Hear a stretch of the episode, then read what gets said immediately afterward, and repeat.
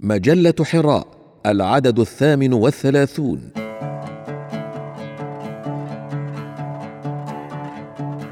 الضاربون في الأرض قراءة في كتاب الأستاذ أديب الدباغ بقلم الدكتور عماد الدين الخليل.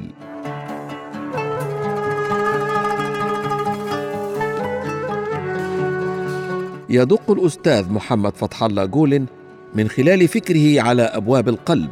يطرق ويديم الطرق. افتح يا قلب. دعني ألج بكلماتي إليك. دعني أعالج إغلاق خزائنك. دعني أكشف عن أسرار مداخلك. دعني أطلق قواك الخفية وأدير مفتاح الفهم عن الله في روحك. دعني أبتعث فيك مواجيد الحنين. دعني أنفض عن أهداب روحك نعاس السنين. دعني أشق أكفان الموت عنك. دعني أبدد ضبابيات الأرض التي تغشى وجودك. دعني أنقش صورة الآخرة على صفحة الشغاف منك. دعني أعرف ذاتك بذات الكون. دعني أعقد معرفة بينك وبين الطبيعة وصلحا بينك وبين شقيقك الإنسان. تلحظهم جيدا. كنت قد سمعت عنهم كثيرا ولكنك الآن تراهم معك وقبالتك. هذا العشق المتفرد للكلمة للإبحار اليومي في أقيانوس الفكر والثقافة. هذا الطوق لجعل كل الأشياء والمفردات والظواهر والموجودات تتشكل وتبدأ رحلتها في عالم التنامي والصيرورة والإبداع تحت مظلة الله. إنهم يعرفون جيدا ربما أكثر من غيرهم أنه ما من شيء في هذه الدنيا إلا وقد قال فيه هذا الدين المدهش كلمته أو بعبارة أخرى إنه ما من ظاهرة أو شبكة من المعطيات إلا وهي مخترقة بقوة الإيمان الإسلامي المتعقل حتى النخاع مكشوف عنها النقاب لكي ما تلبث أن تصير تحت الضوء تحت الضوء تماما. ومن ثم فإن أي قدر من العتمة أو الضباب قد يكون دافعه وجود خلل ما في العين البشرية أو في نسيج الظاهرة نفسها. أما في الجانب الآخر فإن الاسم قادر في أي لحظة إذا أحسن التعامل معه على أن يعيد الأشياء إلى مكانها الحق وأن يضعها في محلها تماما. في الكيمياء في الفيزياء في الطب في الهندسة في النفس في المجتمع في السياسة في الاقتصاد في القانون وفي الإدارة. كل كتل هذا الكون ونظمه كل صلابته المدمكة وخفقانه المدهش في مجاري الأفلاك والسدم والمجرات والشموس والأقمار في منسربات البروتونات والنيوترونات. هنالك دائما كلمة الله الآمرة التي تشكل الأشياء والظواهر والموجودات وتقول لها كوني فتكون. هم يعرفون هذا جيدا وأنت تلمح في عيونهم هذا الطوق المكافح للالتحام الذي ضيعته العلمانية الملحدة. وها هم الآن تلامذة جول يسعون بدءا من أعلى الهرم الذي يتصاعد بنيانه باسم الله وصولا إلى قواعده السفلى التي تجاهد لإرسائه على بركة الله. يجعلونك تنغمر معهم في العشق المتفرد أن تفرد شراعك وتبحر معهم بما وسعك ووسعهم من جهد في دنيا الله التي يلتقي فيها العلم في أقصى حالات تعقلنه بالإيمان في أشد لحظات توهجه. هناك حيث يصير الفعل المعرفي صلاه وصياما وحجا وفي كل مرة يجد الإنسان نفسه قبالة العيون المعلقة بالكلمة تحاول بعشق وشغف أن تخترق قشرتها الخارجية لكي تمضي إلى الجوهر والمغزى فتعانق الحقيقة في أقصى حالات ألقها وتكشفها.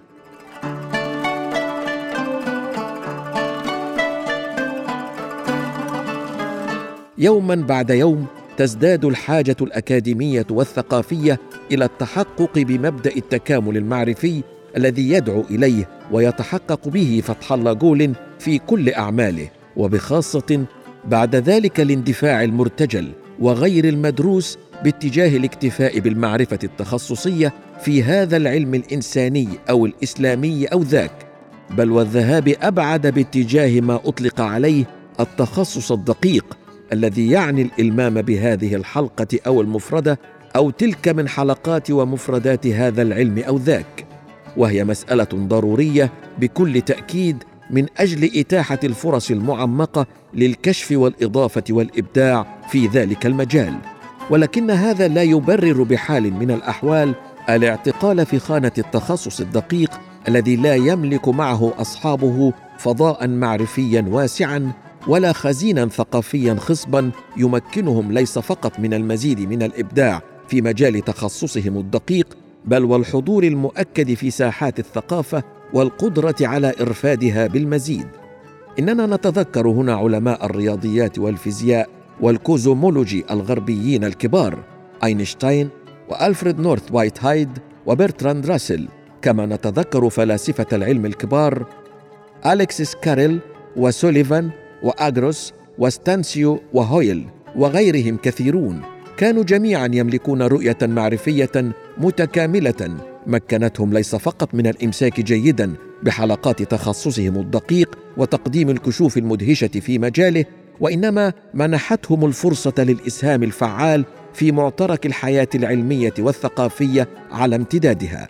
ونتذكر قبالة هذا حشدا هائلا من المتخصصين في العلوم الإنسانية أو الإسلامية من حملة الماجستير والدكتوراه. بل وحتى الحاصلين على درجة الأستاذية تسمع لهم جعجعة ولا ترى لهم طحينا فهم يعانون من الضمور وعدم القدرة على الاكتشاف والإبداع والإضافة في الاثنين معا تخصصهم الدقيق وثقافتهم العامة. فهم أشبه بالمنبت الذي لا ارضا قطع ولا ظهرا أبقى. وإنك إذا أخرجتهم من دائرة تخصصهم الدقيق باتجاه هذا الحقل المعرفي الموازي أو ذاك ضاعوا وضلوا الطريق لأنهم لا يكادون يملكون من خرائطه شيئا بل إنك حتى في مجال تخصصهم الدقيق هذا إذا سحبت من بين أيديهم النصوص الحرفية المستمدة من المراجع والمصادر والتي يتكئون عليها في إنجازهم بحوثهم فقدوا القدرة على كتابة سطرين. كسر جدران الزنزانة وتحرير المختصين من الاعتقال في سراديبها الضيقة تلك هي أغلب الظن القيمة الأساسية لمبدأ التكامل المعرفي التي يدعو لها ويشتغل عليها فتح الله جولن في كل كتاباته. ليس هذا فحسب بل إن التكامل المعرفي يعد ضرورة من ضرورات التأصيل الإسلامي للمعرفة أو أسلمتها بعبارة أدق. إذ كيف تتم إعادة بناء المعرفة الإنسانية في ضوء تصورات وقيم ومبادئ المعرفة الإسلامية؟ وكيف يتم تحريرها من هيمنة المؤثرات العلمانية وأحيانا المادية التي انحرفت بمعطياتها ونتائجها فيما يتعارض وأسس التصور الإسلامي للكون والعالم والحياة والإنسان والوجود والمصير وكيف يعود الالتحام بين الحقائق والتأسيسات المتشكلة بقوة الوحي وبين كشوف العقل البشري وخبراته المتنامية في هذا الحقل أو ذاك.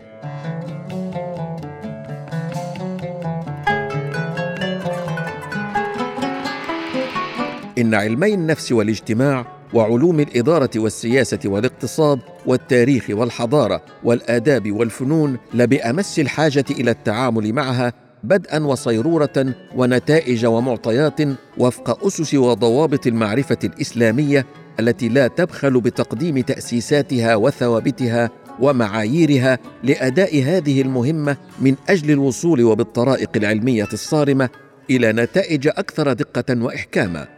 وهكذا يجيء تزويد الطالب بالمعرفتين معا في ضوء رؤية تكاملية فرصة ضرورية لتمكينه من هضم وتمثل مفاهيم التأصيل الإسلامي للمعرفة والإعانة على تحقيق أهدافها فيما ينقلنا إلى الخطوة التالية وهي البدء بنسج المشروع الحضاري الذي يستهدف انبعاث الحضارة الإسلامية ومشاركتها الفاعلة في إعادة صياغة المصير البشري وفق معادلتها المتميزة التي يلتقي فيها الوحي بالوجود والتعليم الديني بالكشف العقلي ويتحقق التوازن الضائع في الحضارة الغربية الراهنة فيما نبه إليه وأكده كبار فلاسفة وعلماء ومؤرخي ومفكري الغرب أنفسهم.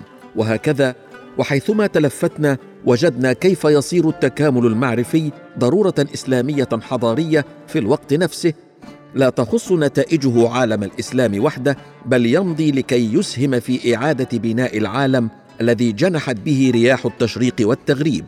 ولطالما أكد فتح الله جولن في كتاباته على أنه في التصور الإسلامي تحديدا لا يكفي أن يعمل العقل والحواس بطبيعة الحال الجهد للوصول إلى الحقيقة. إذ لا بد من إعانة أو إضاءة فوقية تأخذ بيد العقل وتمكنه من تحقيق المطلوب.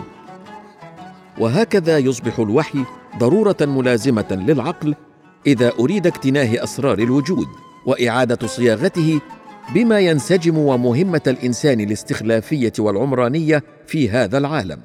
وهذا يقودنا بالضرورة إلى التحقق بمفاهيم التأصيل الإسلامي للمعرفة بمعنى اعتماد ثوابت العلم الديني المتشكل بقوة الوحي معيارا لبناء ما يتمخض عن الكشف العقلي الذي طالما انتهى إذا عمل بمعزل عن ضوابط الوحي إلى الوصول إلى نتائج احتمالية ظنية بعيدة بدرجة أو أخرى عن حافات اليقين بشهادة كبار فلاسفة العلم وعلماء النفس والفيزياء والكوزومولوجي وبمتابعة شواهد أخرى من كشوف العقل النسبية والقلقة في علمي النفس والاجتماع وفلسفة التاريخ.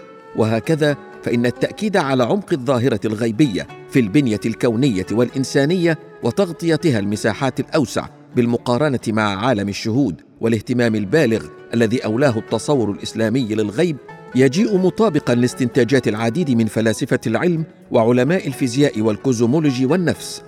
إن هذه الحقيقة تقودنا بالضرورة إلى التحقق بمفاهيم التكامل المعرفي.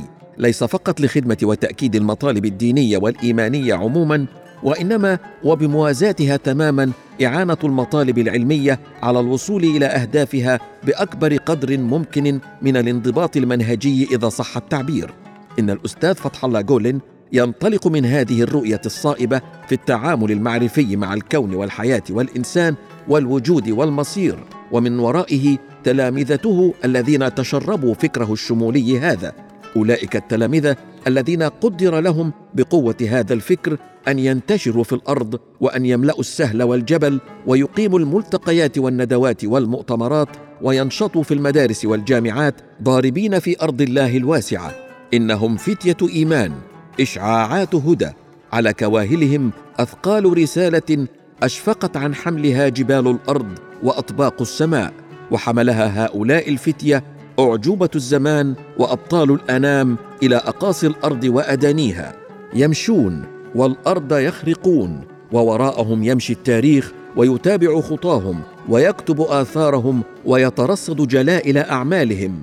بواطنهم موارة بآلام أمة وأحزان قرون ودموع أجيال ومآسي أزمان لكنهم غير مثبطين ولا محبطين ولا يائسين. الأمال من وجوههم طافحة والبشريات على ألسنتهم منهالة يعملون يجدون عرقا يتصببون لكنهم لا يشتكون بالغربة يأنسون وبكلمة الله التي يحملون قلوبا يفتحون واعلاما للهدى يركزون. وراية محمد عليه الصلاة والسلام على قمم العالم يقيمون لا ينقصون وعن غاياتهم لا يرجعون.